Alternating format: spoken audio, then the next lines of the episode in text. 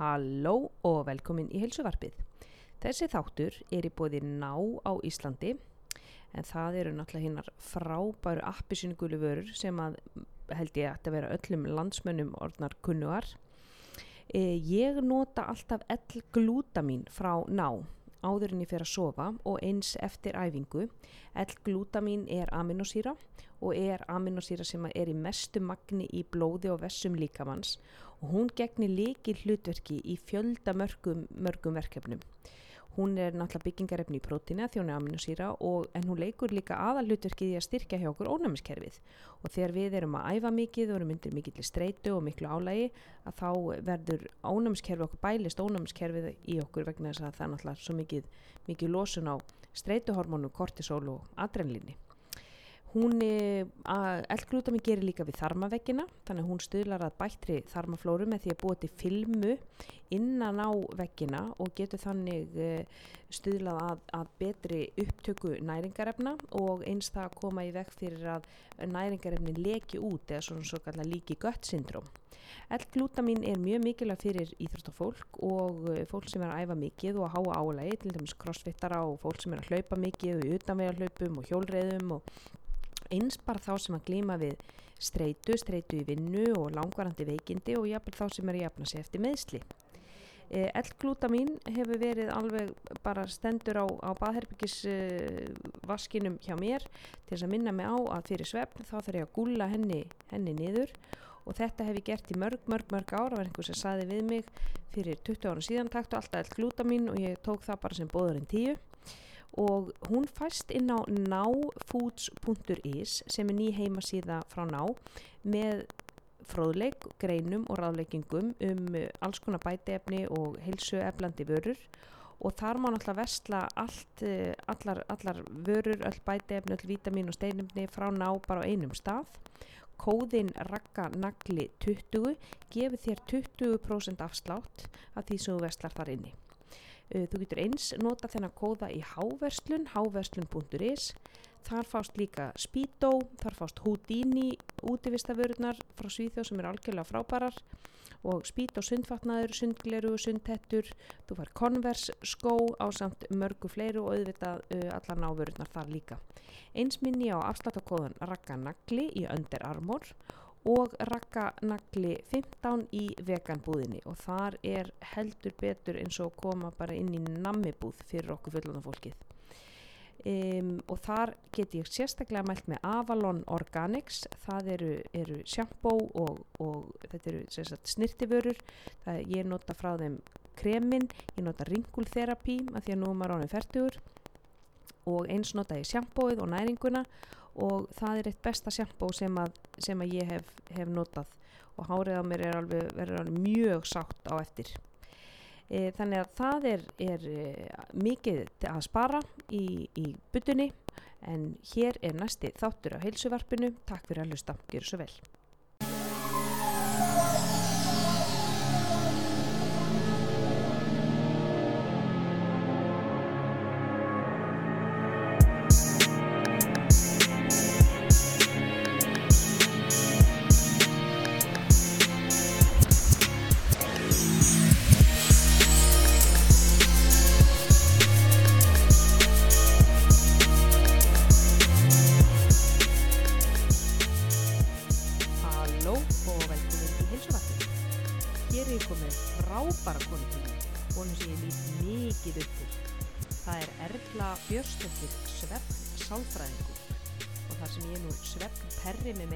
og þykir gaman að sofa þá er það sérstaklega heiður að fá þessa koni eins og verður velkomin. Takk fyrir. Þú kannski kynni sjálfaði til leiks. Þú, þú ert e, sálfræðingur með doktorspróf í Svepp rannsóknum Já, ég sérst er klínisku sálfræðingur í grunninn og tók svo doktorspróf í líf- og læknavísindum uh, þar sem ég lagði áherslu á svefnrannsóknir og þar var ég svona fyrst og fremst að skoða samspil kæfusveps og svefnleisis mm. og áhrif andlega hilsu og lífskefi og svo eftir ég kláraði doktorsprófið að þá hef ég einbeitt mér að rannsóknum á svefnleisi og svona aukna aðgengi að livjalausri meðferð við svefnleisi mm. og ég vinn í dag við rannsóknir upp í háskólinum í Reykjavík mm.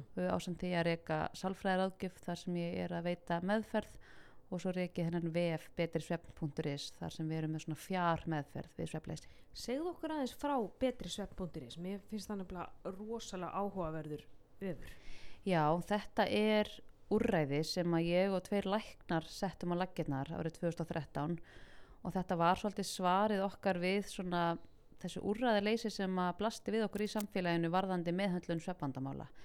Íslendingar eiga heimsmeti í notkun svepplifja Það er svoleiðis. Já, það er svoleiðis og við notum rosalega mikið af þeim, miklu meira heldur en gengur og gerist hjá okkar nákvæmna þjóðum og við erum að nota þeim mjög vittlaust vegna þess að mjög margir er að nota lifin lengi, svona mánuðum og jafnvel árum skiptir en það er sagt ekki mælt með því að nota svepplif lengur en fjórar vikur. Og klíniska leiðbenningar mæla með hugrætni atferðlis meðferð sem fyrsta inngripi. Og við vitum auðvitað að sálfræði meðferð er ekki niðurgreita hinnu ofinbera þannig að þetta er dýrt úrræði, voru mjög fáir sérfræðingar sem eru að veita þess að þjónustu þannig að staðan var í raun og veru svo að læknar höfðu voru rosalega lítið annað heldur en svepplif en að grípa í.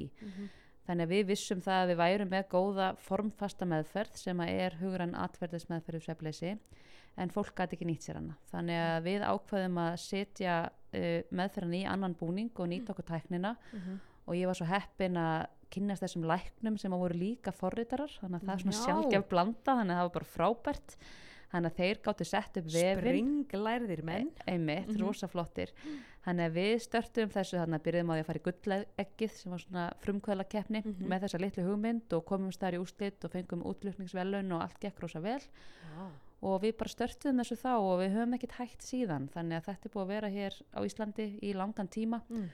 Og hugmyndafræðin var þá að geta veitt þessa meðferð öllum landsbúum af því að Mhm. Ísland er auðvitað stórt af flatamáli Mhm. fólk utan á landi hefur ekkert endilega tök á því að koma til Reykjavíkur í hverju vik og hitta sálfræðing Mhm. en með þessum hætti þá getur bara farið í gegnum sex vikna sálfræðimeðferð yfir netið Mhm. og uh, það er að sjálfsögja ódýrara og að Mhm. mörgu leiti bara þægilega fyrir notandan sjálfan þar sem að hann sinnir meðferð heima úr stofu að Hvernig er bara- fer meðferðin fram? Getur þú svona listið aðeins fyrir okkur? Já, uh, fólk fær svona aðgangað sínu heimasvæði þar sem það heldur mjög nákvæma sveppdagbók Mm. og það er eitthvað sem við gerum alltaf í þessari ham meðferðu sveppanda þar sem fólk fer inn á hverjum einsta degi og skráir nóttina sína hvernig, hvernig svafstu við nóttina, hvernig fórstu upp í rúm hversu lengi varst að sopna og svo framvegis Hversu oft vaknaður? já, og svefngæði og morgun þreita og hvernig Mhm. var dagurinn þinn á undan uh, Mhm. varst að reyfa þig Mhm. hversu mikið Koffineisla? Áfengisneisla, Mhm. hvernig leiðir yfir daginn, streyta og annað Mhm. þannig að fólk heldur svona sveppdagbók Mm.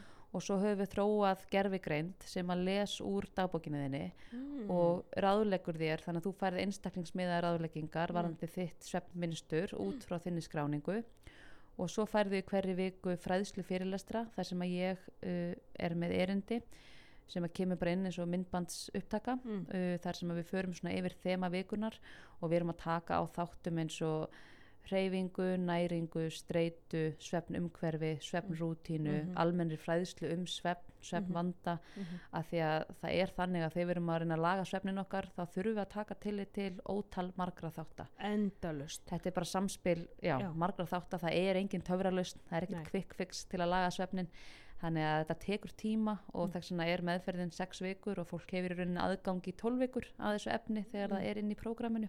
Þannig í sex vikur eftir að meðferð líkur hefur það aðganga efninu. Já, Já. Og þú talar um sko, svefn umhverfi, svefnrútína, þú veist, þetta skiptir allt svo óbáslega miklu máli. mm Og, og nú hef ég náttúrulega lesið bókina þína, Svefn, Mhm. frábær bók by the way, bara Takk mæli með henni við alla. Og, og Matthew Walker er náttúrulega okkar svona sameigilegt idol myndi ég segja. algjörlega. Og ég hef lesið bókina hans, Why We Sleep, Mm og, og það er mitt fera mikið inn á þetta svefn umhverfi Já, og ég er tilenga mig mikið af því sem að þú veist hann hefur sagt og nota það í minni vinnu við, við mína skjólstæðinga þú sem er að glíma við streitu og þá það er að fyrsta sem ég segi hvernig er svefniðin já, já svefnið bara undir staðan fyrir góða heilsu algjörlega. við vitum það við tökum ekki góðar ákvarðan í matavali þegar við erum Einmitt. við erum ólíklegri til að reyfa okkur Já, og þetta er, og, þú veist, við erum útsettari fyrir streitu við erum Mhm. útsettari fyrir því að, að, að tólka tólka áreiti umhverfinu, þú veist, út frá kvíða og með Mhm. tilfinningaheilanum mm þannig að, að fyrsta skrefið alltaf að laga svefnin þannig að hvað er það nú er það kuldi og myrkur og Mhm. rútína fara alltaf sama, að sofa sama tíma vakna sama tíma. Mm e, hafa kalt í svefnherbygginu, Mhm. hafa mikið myrkur. Já, hvað er fleira sem er, er gott bara svona sem svona grunn, grunnur í sko inn í svefn umhverfunu sjálfu þá er þessi þættir sem þú nefnir kuldi og myrkur, það skiptir miklu máli þannig eru svefn geðin best við þurfum auðvitað að vera með gott rúm okkur þarf að líða vel Mm. þar sem við sofum uh, vera með góðar sængur sem að henda okkur og oft kannski eru hjón með ólíkar þarfir Mm. annar aðilinn þarf þykka sæng og hinn þunna og það er allt í lægi, við þurfum ekki að vera með eins hluti uh, sængur ver úr náttúrulegum efnum sem að anda þannig að við séum Mhm. ekki að svitna á nóttinni og klæja. Mhm. allir svona litli hlutir geta haft áhrif. Og svo kannski stóri, stóra atriði líka að fækka áreitum inn í svefnumhverjun okkar. Uh, skapa okkur svona griðar stað Mhm. sem að fyllur okkur ró og velíðan og til dæmis eins og þessi skjátæki sjónvar, talva, sími þetta á ekki heima inn í svefnherberginu. Skilja þetta eftir fyrir utan, það er leikilatriði ég man eftir því einmitt úr, úr svepsálfræði kúsunum þar sem að ég tók, eh, tók í, í mastersnáminu mínu 2005 og þá sagði kennarin sko, her, svefnherbyggið er fyrir kynlíf og algjörlega, ekki að horfa á sjónvarpið, ekki vera með tölvu. Og ég hef algjör að haldi þetta heilagt og það hefur verið nokkur rifrildin á mínu heimili að maður mér vil fá sjónvarpin í svefnherbyggi, það kemur ekki til greina sko, nei. Hann getur gert það í sin eigin íbúð. Nákvæmlega, þetta áeinmitt að vera griðarstaður og þetta svefn og kynlíf, það er það sem á heiminn í svefnherberginu. Já, að því þú talar um skjáina. Sko nú er náttúrulega þessi óbáslega nótkun á skjám og, Mhm. og fólk er að kíkja á síman sinn upp í rúmi og, og börn eru með, jafnvel með símana sín upp í rúmi Mhm, börn eru með sjómarpin í herbygginu fólk er með sjómarpin inn í svefnherbygginu mhm. Svepp vandamál eru að aukast og aukast og aukast. Já. Er tengst það á milli? Alveg klárlega. Og það eru margar rannsóknir sem sína það að það eru tengsl milli heildar skjánótkunar yfir daginn og lengd sveps. Þannig að því meiri skjánótkun því minni svepp og að sjálfsögðu er það sérstaklega skjánótkunum á kvöldin Já. sem að hefur slæm áhrif. Og það er bæði brot af áreitinu. Mm -hmm. uh, við getum verið úlingar til dæmi sem eru að spila tölvuleiki, adrenalíni flæðandi blóðþrýstingurinn hækkaður þú komið líkamsvirkni sem er algjörlega anstætt því sem þú vilt þú ert að fara að sofa. komin í streitu ástand. Algjörlega, yngri börn að horfa teiknimyndir þar sem að eru rosalega mikil áreiti, hljóð og litir og allt að gerast. Mm. Samfélagsmiðlarnir, þar ertu í stanslösu interaksjóni og, og það er mikið áreiti þannig að það er eitt og svo er það byrtan frá tækjunum Já. sem að líka hefur hamlandi áhrif á framleiðslu melantónins Já. sem er svefnhormón sem að byrjar að myndast í líkamannum á kvöldin þegar það fer að dimma mm þannig að þetta eru svona ástæðan fyrir því að við mælum ekki með því að nota skjátæki síðustu tvo tímana fyrir svefn já, ymmit að slökka öllum skjám Já. Tveim tímum fyrir Já, Þannig að örfa ljósimna og, og, og senkar melatónin framlýslu. einmitt. Ég myndi lasa rannsókn uh, sem að var það sem að fólk var að lesa af iPad mm uh, í, í klukkutíma fyrir svefnin Já, versus það að lesa bara af bó, úr, úr bók, einmitt. Bara þunnar sneiðar af. Akkurat, Það senkaði melatónin framlýslu tvo tíma. já það hefur nefnilega meiri áhrif heldur en ég held að við gerum okkur grein fyrir. Og það er það sem við erum auðvitað að sjá þessi mikla aukningi sveppvanda og hjá ungu fólki, það Mm. var hérna áður fyrr, það var sveppleysi vandamál miðaldra fólks og uppur það er bara ekki þannig lengur. Og nýlegar tölur til dæmis á rannsókn og greiningu sína það að 40% batna í sjötta bekk, 11 ára gamla batna er að glíma við sveppvanda einhverju einustu viku. Nei. Jú, þetta er svakalega helmingur. tölur. næstu í helmingur. Og þau eru 11 ára og börn í tíunda Hvernig lýsir, það sér? Hvernig, hvernig lýsir sá svefvandi sér? Já, þau eiga erfitt með að sopna á kvöldin, það er það sem er algengast og það er þá kannski vegna þess að þau eru bara í ákveðnu örfunar ástandi. Þú veist, framleysla melatónins er ekki farin af stað Mhm. og þau eru bara ekki tilbúin að fara að sofa og það eru auðvitað bæði skjánótkunin og svo er það náttúrulega neysla orkudrykja líka sem er ágefni hjá ungu fólki og úlingum. Ég myndi gerna vilja koma þess inn á það. Já, og Hvað- við sjáum, sko, þetta er bönni bekk, uh, ef við skoðum eldri úlinga, níund og tíunda bekk, þá Mm. er vandamálið ennþá stærra, uh, það er stór ansókn sem að gerða á úlingum 15 ára gömlum sem að gengum með svona hreyfi úr í heila viku, Mhm. þannig að þetta er svona frekar nákvæm mæling á svepplengdina þeirra og þar kom í ljós að þau voru að sofa að meðaltali 6 tíma á virkumdögum. Og það flokkast nú bara sem vansvefta. Algjörlega, þetta Já. eru börn sem þurfa 8 til 10 tíma þau eru að taka út gríðarlega mikilvægan þroska Já. til dæmis er framheilin að þroskast á mjög miklum hraða á þessum aldri og það er að gerast fyrst og fremst í svefninum Já. og það er raukhugsunin og skynnsemin og allt þetta enda sjáum við það að vansvefta úlingar sækja frekar í áhættu hegðun Já. og og er hef- jafnvel útsettari fyrir kvíða og það getur líka Al- skýrt það við já. þessi aukningu í kvíða milli á, á, hjá unglingum. Ég meina ungu fólk hefur aldrei liðið jafn illa eins og þeir liður í dag og Nei. það er auðvitað mikið áhugjefni og ungt fólk hefur heldur aldrei svo jafn lítið eins og það gerir núna og við vitum að það eru mjög sterk tengslatna milli, þú ert tíu sem er líklega til að þjásta þunglindi Mhm. eða þú ert vannsvefta, mm -hmm. kvíðin eikst öll tilfinningastjórnun er erfiðari. Mhm. maður þekkir það bara sjálfur, maður er miklu viðkvæmari þegar maður er þreyttur og hefur sofið illa. Maður er bara ekki sama manneski nei, þráðurinn er stuttur og allt þetta. Já, já. Og bara á úlingsaldri það er svo mikið að gerast hormonabreitingarnar og allt og svo bætum við þessu ofan á mm að það er bara svakalega mikið. Og af því vorum að tala um þessu orkudrykki að þá hérna, hafa þeir neysla þeim hefur aukist núna á tveimur árum úr 22% í 55% ég, ég las einhvers þar að það hef selst 15 miljónir orkudrykja á síðast ári. Þetta er sko, þetta er bara svakalegt. Já. og Pepsi Max neysla á Íslandi er svo mesta í heiminu það Já. kom teimi frá Pepsi Max í heimsókn í ölgerðina að því við erum svo duglega að drekka Pepsi Max. Einmitt og af hverju er það, af hverju heitir þetta max? Að það er svo mikið koffin í því. Já. Og það áhrifin sem þetta hefur á miðtöðakerfið og kortisol framstöð þetta framleiðir katekólamín sem er náttúrulega kortisol Einmitt. og adrenalín og þessi, þessi streituhormón. Akkurat, þannig að við erum í streitukerfinu allan daginn og svo algjörlega. skiljum við ekkert í því að við séum að- bugast og fara að allir séu konum með kulnun. Já, já, því að við erum ekki að sofa nóg við erum að keira okkur á okkur gerfi orku. Einmitt. Og þetta er einmitt, ég átti svona áhugavert spjall við einn úling því ég var að halda erindi í einum framhaldsskóla og hann var að segja við mig, jú þú veist það er alveg rétt ég sef alltaf lítið, ég sef bara 5-6 tíma. En eftir að ég uppgötaði nokko þá bara var þetta samt allt miklu betra vegna þess Mm. ég mæti í skólan og ég fæ mér 1-2 nokko og þá allavega er ég með einbyttingu og ég get hlusta á og ég er ekki svona þreyttur og þá var ég að segja við hann sko, ef þú ert að sofa 5-6 tíma Mhm. og þarft að sofa 8-10 mm -hmm. þá áttu að vera þreyttur af því að líka minn er að segja þér eitthvað Mhm. hann er að segja við þig, heyrðu halló ég þarf meiri svefn, hann er að öskra á þig Mhm. að veita sér meiri svefn en þú ert farin að bæla þessi skilabóð niður Já. með því að örfa þig upp að einhverju gerfi orku Mhm. og þá erum við komin á svolítið hættulegan stað og þú ert fann að gera þetta sko 15 ára. Já, því að þú getur, getur kannski verið að gera þetta þrítugur. Akkurat. Þannig að þú ert að koma þér gegnum vinnudaginn og, og, og líka með henni í standi til þess að höndla þetta í x stuttan tíma. Akkurat. En hvert ætlar, að, hvert ætlar að fara þú ert í 15 ára komin á þennan stað? Já, og þú ert að vaksa og þroskast og, þart, sko, svefnin er alltaf mikilvægur en ég hugsa hans í sjaldan jafn mikilvægur eins og á úlingsaldri algjörlega. Þannig að það er rosalegt áhugjefni hvað úlingarnir okkar eru vansvefta og við bara verðum að bregðast við því og það er orðin algjör sprenging í notkun sveflifa hjá börnum og úlingum á Íslandi sem er annað áhugjefni mm -hmm. og við erum einhvern veginn að sjá það að því miður er staðan svo að það er litlar hömlur á skjánotkun, orkudrykjanæsla er gríðarlega mikil, úlingar eru að reyfa sér minn en þau gerðu áður, þau sofa illa og við erum að meðhandla það með livjum já, það sem við erum með algjörum víta hring já, þannig að þau eru semst að þau eru að örfa í sér miðtöðakerfið á Mhm. unga aldri. Já, hvaða langtíma afleðingar hefur það? Við getum líka aðeins velt í fyrir okkur. Algjörlega. Næmi gegn kortisóli verður, það verður alltaf minna og minna það verður, það verður náttúrulega ruggl, það verður ruggla dægursveiflunni í kortisól og melatonín. Einmitt. Kortisól verður orðið er orðið sko látt á mótnana, hátt á kvöldin. Einmitt, algjör andstæði það sem á að vera. Ég meina kortisól er margir sem að halda kortisól sé af hennu slæma sem það er bara alls ekki, alls ekki, nei, nei.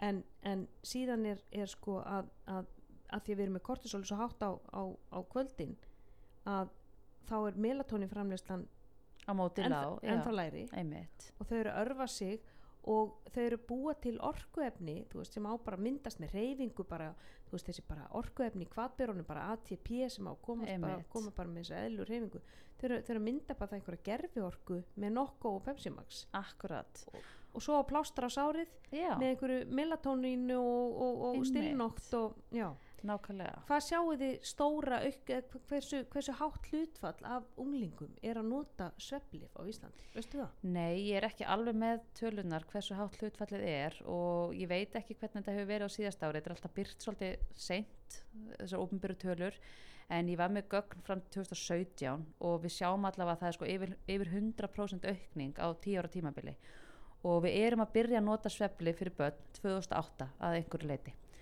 og það er áhugavert að velta því fyrir sér ok, hvað er að gerast á þessum tíma Mm. og fyrst, ég var að rýna í þessar tölur og fyrsta sem ég dætt í hug var jú, þú veist, þetta er hrunið og, og bara samfélagi, streytaði samfélaginu og annað en svo allt í einu kviknað á peru hjá mér, ég bara já, heru, þetta er líka tíminn sem að snjáltækin er að koma inn Mhm. það er á þessum tíma og ég held bara við vannmetum gríðarlega áhrif þessara tækja á svefnin okkar Mhm. bæði náttúrulega hjá okkur fullandum fólkinu við erum Mhm. ekkert endilega betri en börnin en það eru kannski aðrir þættir sem þau eru að gera í sínum snjáltækjum veist, það eru tölvuleikirnir og samfélagsmiðlanir og stelpunum sem oft valda kvíða og allt þetta Mhm. allur samanburðurinn Já. sem er náttúrulega mjög slæmur og, og síðan er það, er það líka það sko að þetta er svo óbáslega nýtt fyrir okkur að við erum ekki ennþá farin að búa til sko svona rituals eða svona eðlilega hegðun í kringum þessi tæki. Og bara regluverki í kringum þetta vantaði bara þú veist og þetta gerðist svo hratt að allt í einu bara við foreldrar bara byrju vá allt í einu þessi tæki bara komin inn á heimilið og upp á Mhm. náttborð og þetta bara Mhm. gerðist. Og börn bara alveg nýri átt ára eru komin með, með síma í hendurnar. Já og, það er náttúrulega fyrir okkar kynslu sko, og ég meina ég og þú hérna rétt, rétt einmitt. Ég, ég var tvítug þegar ég fekk minn fyrsta GSM síma. Akkurat. 5110 Nokia. Nákvæmlega, hver mann Já, því? og það var, það var að spila Snake og senda SMS nákvæmlega, en þannig eru börn sem að bara fæðast með þetta í höndunum. Já. Og, og þau, þau, þau þekki ekkit annað og, og, og við erum kannski bara alltaf sein að búa til einmitt, eins og segir, regluverki kringum þetta Já og það bara skiptir svo miklu máli að byrja strax hjá litlum börnum að vera með skýra vegna þess að þá verður þetta ekki vandamál úlingsaldri. mm. E, það er rosalega erfitt að byrja allt í einu með 16 ára úling að fara að taka á hann snjálfsíman Mhm. á kvöldin og setja einhver reglur ef hann er vanur öðru. Mm Þannig að það þarf að byrja snemma og það þarf líka regluna þurfa að gilda fyrir okkur öll, Já. fyrir allt heimilið. Og mér varst mjög áhugavert, ég hérna, er með tvo úlinga á mínu heimili og ég er svona að reyna að lifa eftir því sem maður er að predika Mhm. og ég fór svona að setja reglur fyrir þá að taka þeim símana og setja í hlæðslu á ákveðin stað á heimilinu. Og þeir eru rosa fljótir að byrja að poti í mig og byrja mamma þú ert oft í símanum sjálf á kvöldin og ert að vinna á kvöldin sem var alveg rétt. En ég var búin að segja það sjálf mig þú veist ég sé vel og hérna þetta er ekkert að hafa áhrif á mig. En ég sagði ok, ekkert mál bara, ég tek minn síma líka og setja hann á, á þennan stað klukkan nýja á kvöldin og ég hefði ekki trúaði fyrirfram hversu góð áhrif þetta hafði á mitt líf vegna þess að sko, ég var ekkert að upplefa eitthvað kvíðaði svefleis endilega en bara kvöldin mín voru oft að fara í allt og ekkert Já. Tíminn bara fór en allt í hennu núna á ég bara einhverja gæða stund með manninu mínum, bara, ég er rólegri -hmm. og vini mínir og fjölskylda þau vita bara að þau ná ekki tíma eftir nýju Mm og, og það er líka nútíminn. Maður þarf ekkit alltaf að vera ínáanlegur. Nei, maður Nei. þarf ekki verið í sambandi 24 tíma Nei, það er bara þannig. Og þó þú fáir skilabóða messenger það þarf ekki að svara þeim um leið. Og það líka vekur hjá okkur, upp hjá okkur þess að streitu. Fáum notification, Já, ding ding ding býtu nú við, ég er að fá hérna skilabóðin ég er búin að sjá skilabóðin já, veist, hann verður. Já, og það, þetta er náttúrulega líka bara streita sem, sem að fylgi því algjörlega, þannig að við þurfum að setja þessi mörg mm -hmm. og það er eins og til dæmis bara með vinnu og engalíf, þú veist, þau mörg eru miklu ólösar í dag heldur en Mhm. þau voru áður fyrir Mhm. út af snjáltækjunum Mhm. þú veist, við erum með vinnupóstin mörg hver í símanum og það er kannski einhver vinnufélagi sem ákveður að vinna á kvöldin og fyrir að senda einhver ykkur að pósta. Og ef við sjáum póstin, þá erum við komin í vinnuna. Já, hugurinn er komin þangað og við erum farin að hugsa um þetta og ég vil leggjast upp í rúm og æ, á ég að svara og æ, þessi fundur og eitthvað. Mm við eigum ekki að vera að hugsa um þetta á þessum tíma. Nei, þannig tekur áhyggjönda með þér inn í svefnherbyggið sem svefnherbyggið á að vera griðastafurinn þinn og það náttúrulega vera búin að leggja þér til Já. hliðar. algjörlega, Já, ég gera stundum með mína skjólstæðinga, get búið til áhyggjustund, Já. Ok? Áhyggjustund 20 mínútur um að skrifa niður allt sem þú er áhyggjur af, skildur síðan þann seðil eftir fyrir utan svefnherbyggið og lappaði síðan inn. Já, þetta ger ég líka Mm. og það er gott að hafa þessa áhyggjustund þú veist, aðeins fyrir um kvöldið af því að einmitt á kvöldin að þá byrjar heilun okkar að fara að sofa Mm. og þessar stöðvar í framheilanum sem að stýra rökhugsun og skinnsemi þær fara bara í dvala, Já. þær eru farin að sofa sem þýðir það að áhyggjurnar þær ígjast á kvöldin og við könnumst öruglega flest við að liggja andvaka bara yfir einhverju batnabali sem við erum bara að halda eða þú veist að við erum eftir að panta tími á tannlækni eða eitthvað ótrúlega ómerkilegt Já. sem fer að valda okkur kvíða á kvöldin Mhm. svo hugsaum við um þetta daginn eftir og við bara hva, hvað var hann mér í Já, var þetta svo mikið mál hjá mér þess að ég lá hann kljóðan tvö í nótt að andvaka og þá, Einmitt. og þá koma líka allar þessi, ó, glemt að borga þennar, ó, glemt að óska þessum til að hafa mikið mammali á Facebook og, það, og það verður alveg aðal málið. Já, já, það er alveg rétt. En þú ta talaðir um áðan sko myrkur og kulda Mhm. og, og ég átti einmitt bara samræði við móðu mín í morgun og sagði, "Guð, hvernig getur þú sofið í svona óbáslega köldu svefnerbyggi Já. og, og ég sagði, þetta er, þetta er besti svefnin, það er í sko ískulda Mm og það er náttúrulega manni að Matthew Walker vinnur okkar sagði það, heilin þarf að droppa niður um eina gráðu til þess að við sopnum Já, og það er líka þannig að líkamsittin okkar er lægstur á nóttinni og Mhm. við viljum hafa hann lægstan á nóttinni, þannig eru svefngæðin okkar best Mhm. og þannig að það er talað um að svefnherbergið eigi að vera svona 16-19 gráður. já, það er Og svo kalt Það er Mhm. kallt Mhm. fyrir innanhús, Mhm. en það þýðir ekki að okkur þurfa að vera kallt. Nei, við Ef erum við undir erum sænginni þá getum við bara verið með góða sæng, við getum þess að verið í sokkum, Mhm. þú veist þannig að okkur verður ekki kallt á tánum, Mhm. þannig að okkur þarf ekki að vera kallt, en Mhm. loftið sem við erum að anda að okkur, að Mhm. það sé svalt. Já, og, og ég mani til hann talaði líka um að um, ég held að það hefur í podcastinu hjá Joe Rogan sem ég Mhm. hlustaði, hef hlustað á örugla tíu sinnum að þar talar hann um að e, áhugaverð rannsók sem var gerð á unglingsdrengjum sem var farið með ba- bara upp í fjöll. Já, og þar byrja þeir að aðlagast sko að því að melatonin fylgir náttúrulega sko það fylgir í rauninni ljósinu. Mhm. þannig að melatonin byrjar að, byrjar að seitast út í líkamannum mm þegar að fyrir að dimma einmitt, og þegar að fyrir að kólna veist, á kvöldin. Akkurat. þannig að þegar hitast í úti droppar Mm og myrkri fyrir að skella á þú veist, melatonin er myrkra hormón. Já, já, að þeir drengirnir fóru að fara að sofa þeir náttúrulega voru ekki með neinsnjallæki og það voru engin artificial eða sem sagt engin gerfi byrta og enga ljósaperur ekki neitt. Nei, þeir fóru að fara að sofa tveimu tímum fyrr. Já, að því að sko líka með þeirra fóru að fylgja bara sko því sem var gerast í náttúrunni. Einmitt. og það er náttúrulega meika sens að með það að hafa svefnherbyggja á kalt og hafa mikið kulda að, að þá, þá sofum við betur eins og þá betri melatonin Mm framleysla en það sem mér varst einmitt áhugavert var þetta með að þeir fóru að fara fyrir að sofa.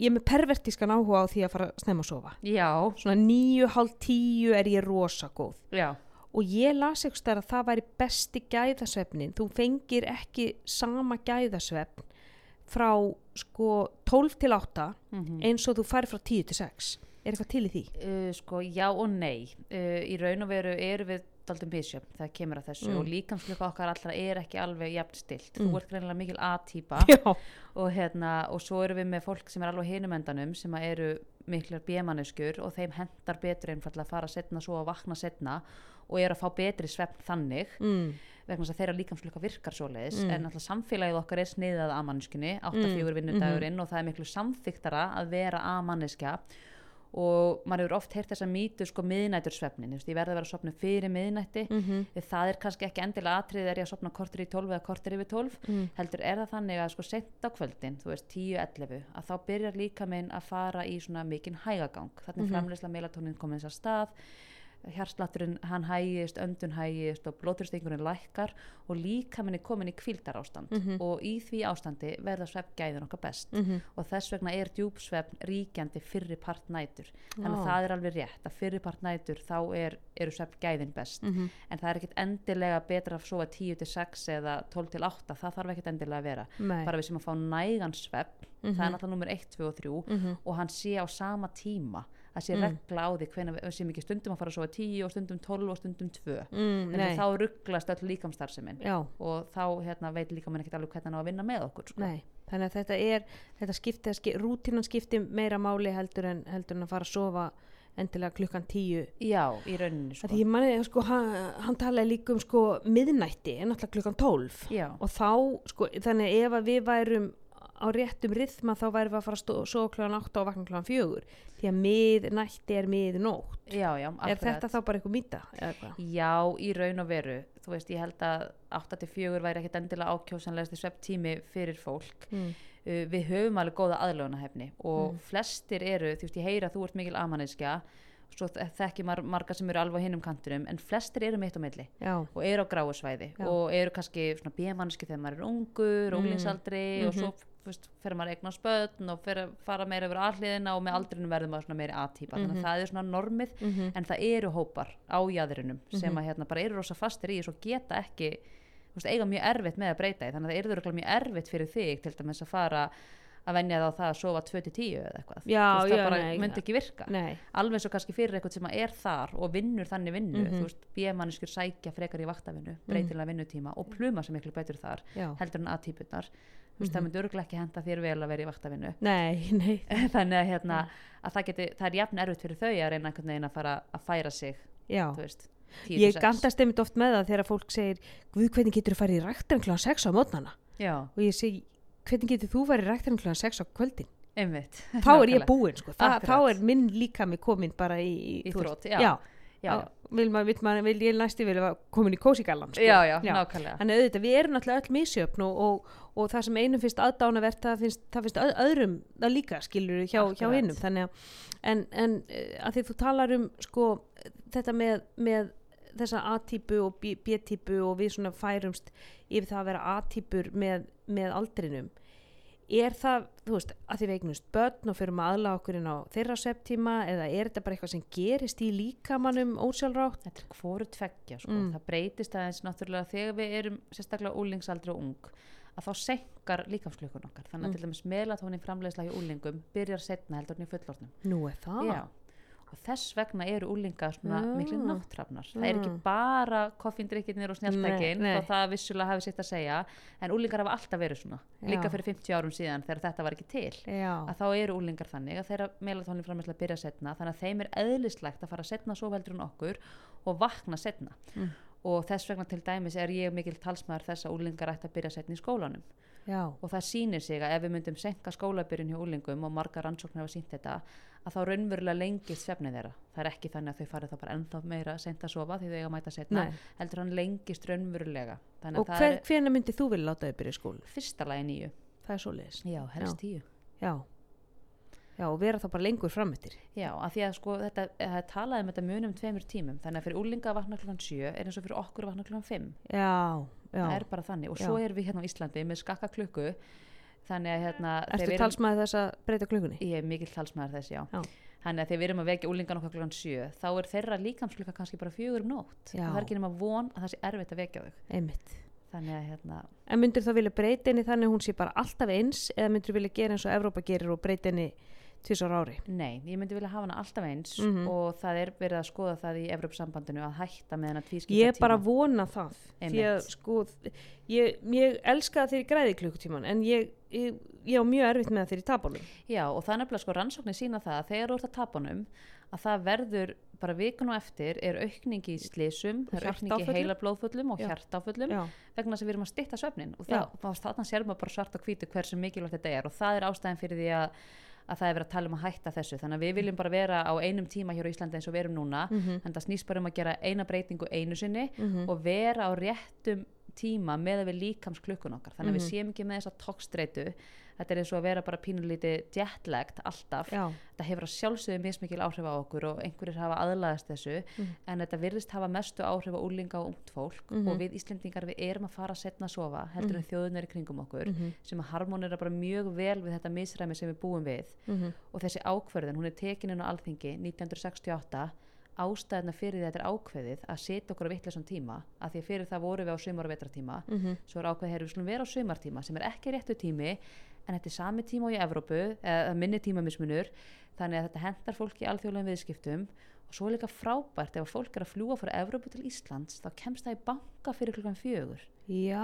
Þetta eru rökin. þú veist, Það er bankaopnættími en nú er komin heimabankar og Einmitt. hraðbankar og já. og við vissum bara rosalega lítið um líkamsklukkuna og dægursveifluna Já, 1968 já. en í dag eru þessar rannsóknir búin að fá Nobelsjölun í læknisfræði og við erum mjög meðvituð um það að ef við erum ekki í takti við okkur innri klukku þá hefur það áhrif á andlega líðan Já. það hefur áhrif á svefn og fleira Mm. þannig að þessi breyting gæti gagnast okkur er ég alveg sannfærði Já, já, já, ég er alveg, alveg hjartanlega samanlegar og vera bara á einum tíma, vera ekki að ringsóla, ringsóla með þetta. einmitt Ég myndi þess að segja, það, það er aukning í, í hjartaáföll, það er aukning í slísum, þú veist, Mhm. það, það, er, það er svo margt sem fylgir bara það að missa eitt klukkutíma á svefni. einmitt, Og, og einmitt, mann eftir mjög áhugaverð, nú er mikið áhuga á þjálfun og, og hvernig hvað svefn hefur áhrif á, á þjálfun og, Mhm. og líkamsarækt og, og það að vera illa sofin, ég með þú, þú ert ólíklegri til að fara í ræktina ef, að, ef þú hefur sofið illa og, og það verður, það verður sko, þú 20% fyrr að þreytast þegar þú Mhm. hefur sofið eh, á, uh, sex tími eða skemur.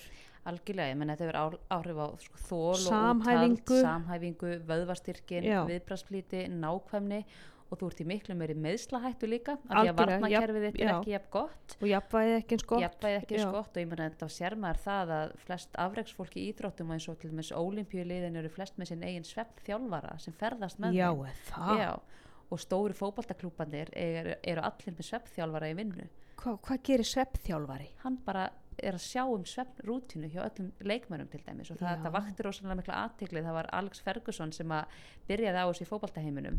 Hann fekk til sín hérna, prófessor í sveppransóknum til þess að hjálpa sér og það var sérstaklega eitt leikmaður sem hafði verið að glíma við mikil meðsl og hann var bara ekki að ná sér hérna, gekk illa að ná sér og hann fór bara og skoðaði svefn umhverfið hjá hverjum Mhm. einasta fótboltamanni og sá sérstaklega hjá þessum manni að rúmi var ekki rétt og hann var ekki að sofa Mhm. rétt heitastig og fleira því að við erum náttúrulega lengur að vinna úr meðslum ef við erum illa sofin. Mm -hmm. vegna þess að við erum, við erum bara verkstæðin á nóttinni ég er að það, það er bara og- viðgerðaferðlið já, já, og þetta hafði svo rosalega jákvæð áhrif bara á árangur liðsins og meðslu og annað. Þetta vaktir þvíleika aðtikli og þessi prófessor í dag er löngu hættur að starfa sem prófessor. Hann vinnur engungu við það að hjálpa fótboltamönnum að sofa. Já, og í kjölfarið eru allir stóru klubbarnir bara komni með sinn svefn þjálfara. Vá. þannig að íþróttarheifingin er að vakna rosalega til lífsins með þetta því það eru ótrúlegt hvað, þetta, hvað eru sterk tengsl og fólk sem er að stunda mikla líkamsrækt það þarf líka meiri svefnin aðri er það ekki? Jú, já, ég er búin að segja þetta alltaf. Algjörlega alveg svo það þarf að borða meira, það Já. er meiri orku það brennir svo mikið. Já,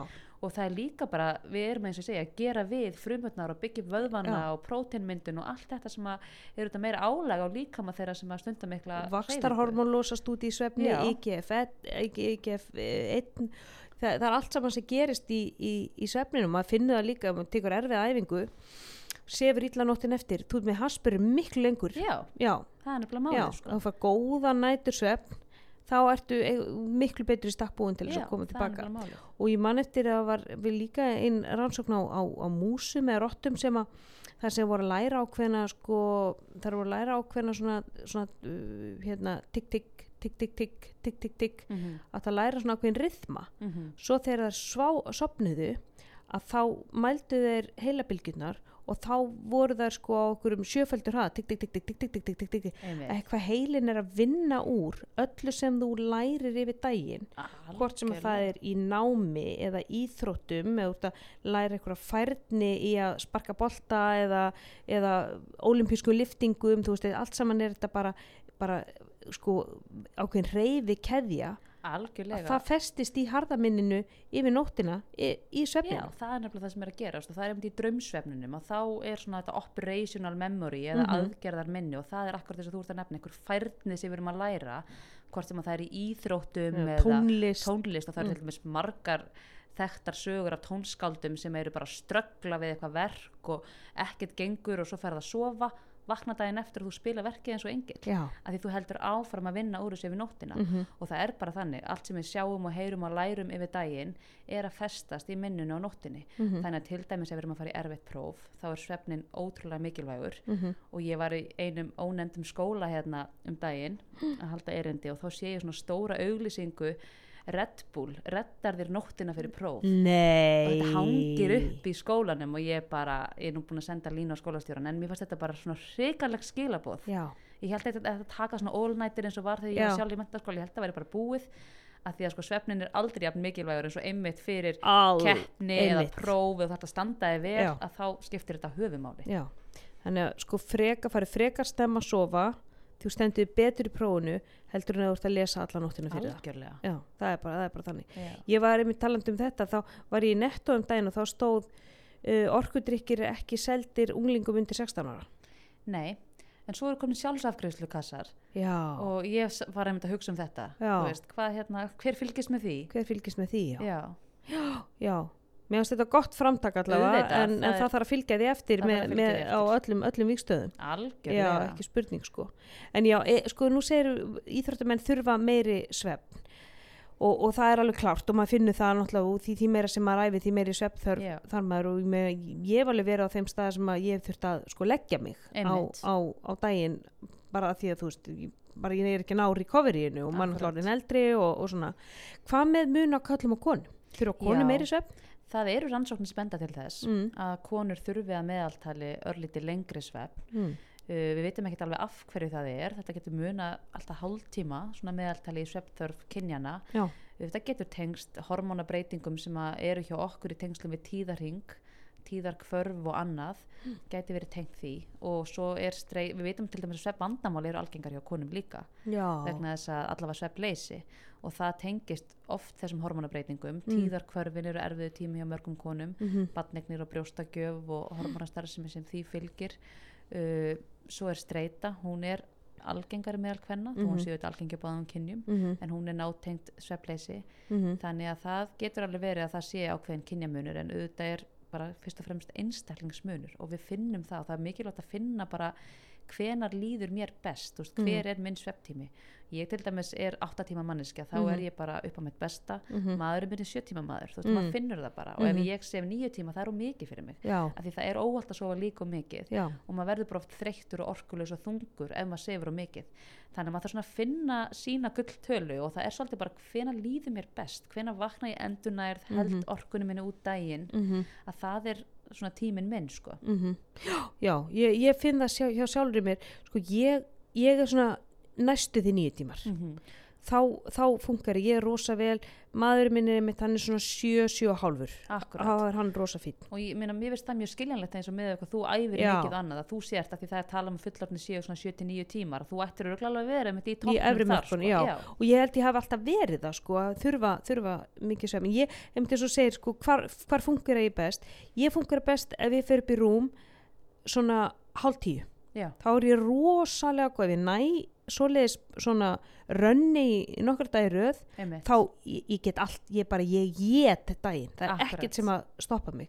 En mikil streyta, mikið að gera sef í 60 tíma, þú veist, er að sofa illa, er, þú veist, stressuð kvíðin með fyrirlestra, með námskeið eitthvað að gera, að- það fer allt í, í, í patt, sko. Algjörlega. Og- og það er eins og segir, maður einhvern veginn er svo fullur af orku og maður Mm. getur allt, það var svo ótrúlega gaman ég átti spjall við alveg ótrúlega flottan ungan strák mm.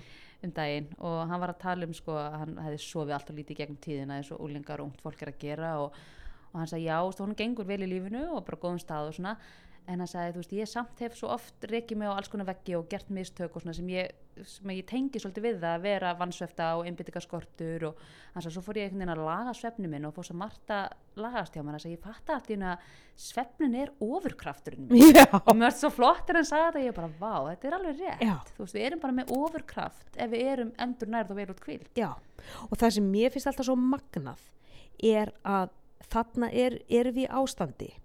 í ástandi í 8 til 9 tíma á sólarring þar sem við erum nánast meðutundalus -hmm. við erum ekki að okkur matar við erum ekki að hugsa um börnin okkar við erum ekki að leita okkur að maka við erum ekki að gera neitt sem stuðlar að sko fjölgun eða, eða, Mhm. eða fæðuöflun eða neitt.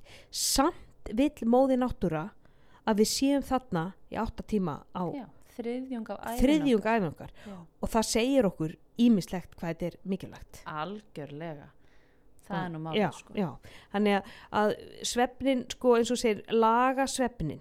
Hvaða ráð getur þú, kemur þú með til fólks þegar fólk kemur til þín heyrðu ég með svefbandamál, ég sé villa, ég á erfitt með að sopna Mhm. þú veist, svefnrútínan, svefnumhverfið hvað er svona, hvað, hvað ráð getur gefið fólki bara sem er að hlusta núna? Hvað á það að Sko, byrja á? regla og rútína Mm. það er líkil atrið og það er ekkit einfalt málendilega að Nei. innlega það en að fara á sama tíma að sofa og sama tíma fætur alla vikuna og ef við erum að laga svefninu og hann er í ruggli þá þarf maður að vera mjög agaður og maður Mm. þarf bara að vera með þetta líka um helgar alltaf Mhm, bara mhm. sami tímin, vera rosalega fastur á sem ramma mm -hmm. uh, hugsa svolítið um kvöldrútínuna hvað er ég að gera síðustu tvo tímana fyrir svefn Mm -hmm. við viljum vera uh, í ró. Mm að líka með og sál sé í ró. Við þurfum að gýra okkur niður eftir daginn. Við erum umkrynd áreitum allan sólarhingin frá því við vöknum á mótnana þang til við leggjumst á kottan Mhm. þannig að leggja frá okkur skjátækin fara í heitt bað, Mhm. lesa í smástund vera róleg þegar við leggjumst upp í rúm. Uh, við þurfum að sjálfsögða að passa neysluvenninar okkar. Mm uh, við mögum borða regluleg við daginn borða fjölbreytt, ekki vera að borða sent á kvöldin. Hva, hversu seint er seint? Hversu stundum við tala um þú veist, tvo tíma, þrjá tíma Já, ég myndi allavega sko það er kannski allt í læg, létt ef við erum að borða kvöldmat millir 6 og 7 og erum ekki að fara að sofa fyrir kannski 11 mm. að þá getum við alveg fengið okkur eitthvað létt kvöldsnarl um nýju Mm. sem er Mm. þá bara eitthvað auðmeltanlegt Mm -hmm. banani, Mhm. þú veist, rökkbrauð, eitthvað Mhm. svona bara létt. En við viljum gefa líkamannum frí á nóttinni frá því að þurfa að vera að melta fæðu og Mhm. úr því, Mhm. þannig að hann hefur nóga öðru mikilvægum hlutverkum að gegna. Já, það trubla líka, er það ekki melatonin framlýslu að vera að melta? Eða- Jú, og það trubla svefn gæðin okkar. Að því hann er bara í þessari vinnu sem hann á Já. að geta verið á þessum tíma og við þurfum náttúrulega að passa okkur á sigri og koffinni Mhm. sérstaklega mhm, uh, takmarka skjánótkun við þurfum að vinna með streytuna mhm, og svefn umhverfið okkar við þurfum ofta að taka það í gegn Já. við þurfum ofta að gera fullt af breytingum þar mhm, Þú veist, er ég með gott myrkur, gott hljóð gott loftin í svefnum umhverfinu mínu líður mér vel upp í Mhm. rúmi kvíði ég fyrir nóttinni mhm, og ég byrja alltaf á því að láta fólk halda svefndagbók í Mhm. eina til tvær vikur þar Mhm. sem að ég er að spyrja um alla þessa þætti á hverjum einsta degi og það er svo mikilvægt vegna sem maður læri svo mikið á því að skrásita svefnin sinn og átta sig á því bara samhenginu bara já ég sé það hérna að þegar ég reyði mig þá er ég að sofa betur. Mhm, já hérna drakk ég kaffið og hérna leið mér ekki nógu vel og maður fyrir að átta sig á því hvað er að hafa áhrif á svefnin mhm, og maður heyri stundum að fólk segir "Úst, ég hef alveg prófað að sleppa kaffinu og það breytir engu. Það kannski breytir engu eitt og sér en þetta eru margir litlu Mhm, þættir sem að koma mhm. saman og við Mhm. þurfum að gera margar breytingar og þá gerast hlutinir já. Og eins og segir sko að, að vera í ró þessa síðustu tvo tíma fyrir svefn.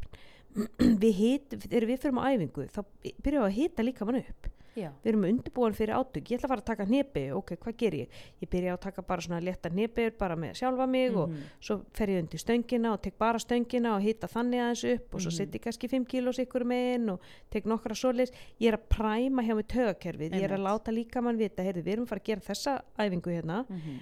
Um, og, og við ætlum að gera þetta svona stigvaksandi og þannig að þú viti hvað er að fara að gerast. Mhm. sama gildir um svefnin. Við höldum svolítið að við getum bara verið á fullu komið krakkunum í, í, í, í bólið farið síðan að vinna, senda tölubóstana hort svolítið á sjónvarpið, öll ljós kveikt og svo bara leggst í brúm og ég ætla bara að fara að sofa. Og við erum út úr víruð og gýruð og, og, og jafnvel búin að, þú veist, fá okkur kannski kaffibotla klukkan fjögur síðast og þetta ykkur átta tíma fyrir koffin að fara úr það er rosa lengi að fara úr líkamannum en helmingu því með 6 klukkustundir. Og ég er með, þú veist, maður þarf einmitt að ég er ofta að hugsa um þetta þegar ég er í flugvél. Mér finnst þetta svolítið vera eins og að fara í flug. Mm. þú veist, þú, átt, hérna, þú ert ekkert að gýra þau upp í loftið, þú ert að koma þér á Mhm. stað á modnana og hitta þau upp og koma þér í gang og svo ferða eitthvað svona autopilot Mhm. yfir daginn og þú ert að fljúa og svo kemur niðurflugið og þá er engin ráftæki og þá erum við svona svo kæl okkur niður, sko, ég sé þessa myndlíkingu eitthvað eins og Ó, fyrir mér. þetta er góð myndlíking. En, hérna, en þetta er akkurat málið. Já, við þurfum að pæla í þessu mhm, Þú veist, og þetta er líka mótnana, hvernig kem ég mér að stað? Hvernig Mhm. næ ég upp orkunni minni og hvernig góður tónlist og hvernig góður ljós og koma vel út í daginn, það skiptir líka máli.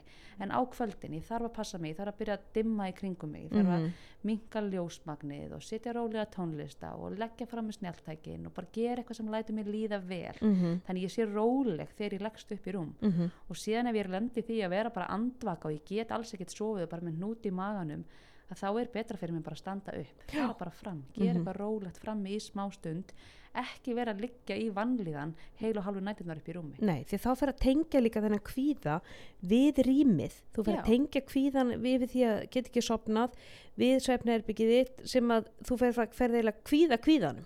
nefnilega og Mm. það er mjög algengt að fólk með svefnleysi sé komið með þessa slæmu tengingu við svefnumhverfið og þú kannski liggur fram í sófa og ert alveg að sopna við sjónvarpinu svo stendur þú upp og busta tennur og svo bara lappar hann í svefnherbergið og bara þú stígur yfir þröskuldin þá bara Mm. mm. glaðvagnaru og hnúturinn er komin í magan Já.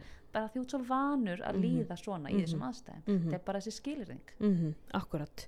Og, og eins og segi, það er, það er, það er með að, að sko gýra sér niður, þetta er flott myndlíking eins og þetta með, með flugvélina hvernig við erum einhvern veginn yfir daginn veist, við, við keirum okkur upp og svo þegar við erum að fara, nú er allir að fara, uh, fara í, gera sér tilbúna fyrir lendingu einmitt. og þá slökkum við, setjum við síman og flugvélamót Já, og, og það er náttúrulega þessi bláa byrta sem við viljum forðast og, og jafnvel sko að dimma ljósin og jafnvel kveikja kertum því að algjörlega. sko þessi, þessi rauða byrta hún hefur svo Hún er góð og ró, svo- róandi áhrif á okkur.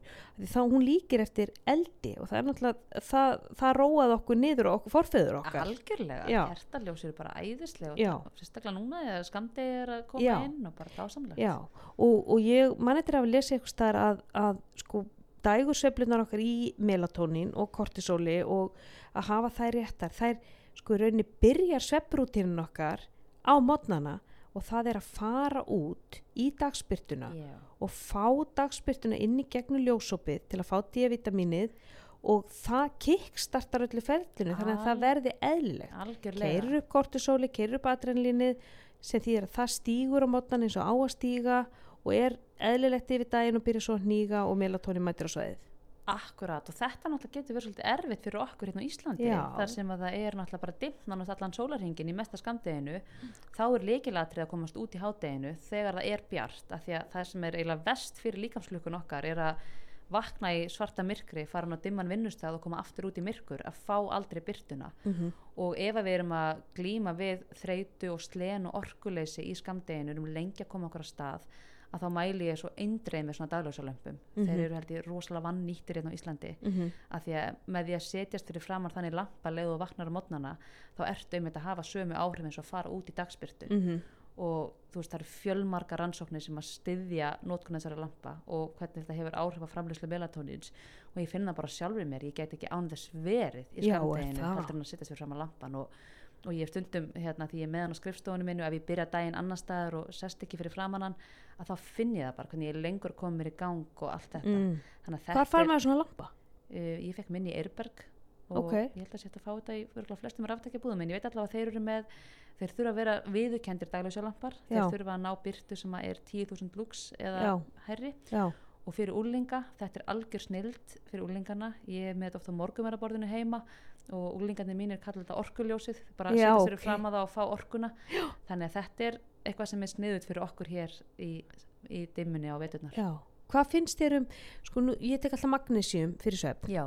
og, og ég tek all glútamin líka Mhm. um, magnesium til þess að uh, sko róa, róa svona fyrir vöðvaslagandi Akkurat. og, og fá svona þennan, þennan dýpri dýpri Mhm. svefn. Hva, hvað finnst þér um svona bætefni nú til þeim ZMA sink, magnesium og B Já. svona blanda sem, að sem að ég verið að taka líka og Mhm. mér hjálpa mér mikið ég veit ekki hvort sé placebo áhrif eða, Nei, nei, eða sko magnesium er eitthvað sem ég mæli alveg með og, og það hefur gagnast bara mörgum af mínum skjólstæðingum mjög vel það er vöðvaslagandi Mhm. og kemur svona róa á, á líkamann sem Mhm. er gott uh, ég veit ekki alveg með þetta sem þú ert að tala um, ég þekki það bara ekki nei, nei, nei, nei, en hérna, það er rosalega mikið til sem er, virkar ekki Já. það er rosalega mikið til af einhverju bara ruggli sem er verið að selja fólki vegna þess að fólk með svefbanda er oft mjög örvendingafull og það er Mjög. tilbúið að prófa hvað sem er og mér bara svíður oft í hjarta því ég sé alls konar plástra og Mhm. alls konar dót Mhm. sem á að bara laga svefniðin 1, 2 og 3 Mhm. þú veist, það er ekki málið en magnesiumið er, er fínt, það virkar ef maður er með svefnleysi eða svefnbanda þá er það ekkert að duga eitt og sér og þarf að gera fleiri, fleiri þætti Já, skilur til að laga já. svefnin Já, já, þetta er ekki svona, þetta er ekki löst við Nei. svefnvanda. Þessi, mér finnst þetta, finnst þetta, ég, ég sef dýbra, ég Einmitt. sef betur, og svona ró, kemur ró á kemur ró, sko. kemur ró á og líka sérstaklega fyrir okkur sem að æfum að, að ég finna ef ég gleymi magnusíum þá fæ ég oft krampa í, í Já. kálfana. Akkurat. Já, og, en mér finnst þetta hafa áhrif á, á svefnin, en eins og ég segi, ég, placebo áhrif má ekki aldrei vannmeta þau sko. Nei, nei, ég held að magnesium hafi það alveg og það er líka, þú veist, eins og setja magnesium baðsalt Já. út í baði, það eru margir sem finna hvernig það róar líka mann Mhm, líka, mhm. þannig að alveg klárlega. Mm Og talandi um æfingar, þá, þá svona að vera að æfa mjög seint á daginn, náttúrulega Já. losar út kortisol og adrenalin, þannig að það getur haft áhrif á svefnin eða hvað. Já, Mhm. það er ekki mælt með því að vera að æfa sent, allavega ekki á kvöldin. Hvað ætti að líða langur tími frá æfingu til sveps? Lám, lámark þrýr tímar, það fer svolítið eftir ákefð æfingarinnar. Mm Það er eitt að fara í göngutúr eða fara í jóka Mhm. og annað að fara kannski bara að Hardcore 10 crossfit. km eða hardcore crossfit eða eitthvað svoleiðist, þá þarf að líða lengri tími. Já, svona kannski fjóri-fimm tíma. Já, jafnvel, ef þú ert í þannig æfingum, Já, klugan 5 og, og ef þú ætlar að reyna að vera sopnaður 10 halv 11. Já, Já, akkurat. mhm. Já, já, að því maður svona að fólk kannski er að æfa, þú veist, 8, 9, 10 á kvöldin og það getur þá verið að hafa áhrif á svefni á þess að fólk átti sér endilega á því. Já, það Mm. er nefnilega máli og svo er stundum fólk að fá sér einmitt, þú veist, amino energy eða eitthvað Já. pre-workout eða eitthvað sem oft inniheldur líka koffín. Mm Þannig að það er náttúrulega annað Mhm. sem skiptir máli. Nú virðist það líka verið einstaklingsmunur á, á koffinu, hvað, áhrif það hefur á svefni eða hvort það hefur áhrif á svefnin. Já, sko, það er alveg dæmi um það, veist, viðtakarnar okkar eru ólíkir og við Mhm. bregðumst öðruvísi við og við getum líka vanist hlutum, koffín eins og öðru, en það er samt sem áður þannig að við getum líka drukkið koffín og náða að sopna en það er samt að hafa áhrif á svefn gæðin okkar já, af því að líka minn er í ákveðnu örfunar ástandi já, og þar að leiðandi erum við ekki að fá sama djúpsvefnin og það er bara alveg eins og allskins efni svo bara til dæmis áfengi. Drekkum áfengi á kvöldin og við erum voru svo róleg og fín og náum að sopna og allt það en við erum ekkert að fá sama svefnin nei, það hefur áhrif á gæði. Já, það hefur nefnilega áhrif á já, gæði. áhrif á það hvort að við hversu langum tíma við eyðum í djúpsvefn og draumsvefni já, og, já, sem er mikilvægast í svefnin sko. Já. þannig að svefnin verður svona flatari og þetta Já. gera svefnlifin líka. Þau svæf okkur en þau gefa okkur ekkert sama svefnin nei, þau gefa okkur ekki en að gæðasvefn Nei. og það er náttúrulega mörg, mörg önnur uh, sko til dæmis eins og grænt te fólk áttar sér ofta ekki á því. Það er stútfyllt af akkurat, og, og dögt súkulega einmitt. Fólk fattar þetta ofta nei, sko. nei, og það er fyndið með því sem við taka þetta podcast í dag því að það gæti verið að sumir hafi dottið í súkulega í gær. Já, það er hugsanlegt. Og það var bara hjartsláttur og svefleysi já, í nótt. Einmitt. og það er svona maður, já, alveg rétt. Það er koffin í það er dökku súkulega er það þetta var ekki góð sko, hugmynd. Og sigurinn, Já, því þegar ég heyri þetta svo ofta einmitt kannski bara konur sem er í saumaklubum og mæta og bara ég fæ mér aldrei kaffi en þú veist þær fá sér einhverja kannski dísæta kökusneið og svefnin er bara ónýtur. Já, af því að sigurinn, þegar við hækkum blóðsigurinn að þá verður erfiðar að sopna og svo Mhm. kannski sopnum við og þá fellur blóðsigurinn auðvitað hratt mm og það veikur okkur upp eða trubla svefngæðin þannig að -hmm. sigur át á kvöldinu heldur ekki gott Nei, sigur og, sigur og, og, og kakó og súkulaði og þannig að súkulaðikakan í saumaklubnum er, er stundum, þó hún líti gyrnileg út, þá getur hún haft Hún getur, langtíma, langtíma áhrif. já, hún getur gert það sko. Mm. Erla er búið að frábært að fá þig. já, Þú ert æðislega koma til náttúrulega bara sko visku brunnur mikill, þannig að, að bara indislegt að fá að grafa aðeins í þér og, og vonandi verður þetta því þess að þú veist, þessi, þessi grunnstóð heilsunar fari nú að batna hjá okkur sérstaklega okkur, okkur Íslendingum og ég Já. sé mitt mikinn mun á sveppvenjum Dana, þar sem ég bý og, og, og Normana sérstaklega og svo okkur Íslendingum. Þeir eru að fara miklu, miklu fyrir að sofa. Algjörlega og bara hættum að hetjuvæða það að sofa lítið. Það er ekki töff að sofa lítið. Nei, það er sko karlmennsku tákn að fara snemma að sofa og sofa mikið. Því Ó, að já. þeir sem eru vansvefta, karlmenn sem eru vansvefta þegar að, að það hefur gera rannsóknir bara á einni viku þar sem eru teknur úr 8 tíma svefni nýri 4 tíma svefn Mhm. bara á einni viku minga testosterón framleyslan um 50% nákvæmlega. Þannig að karlmennsku tákn að sofa ekki ass Akkurat, það er töff að sofa vel. Það er töff að sofa vel. Heyrðu, takk fyrir kærlega að koma og til ykkur hlustendur góður, takk kærlega fyrir að hlusta á, á heilsuvarpið og þannig til næst, verið bless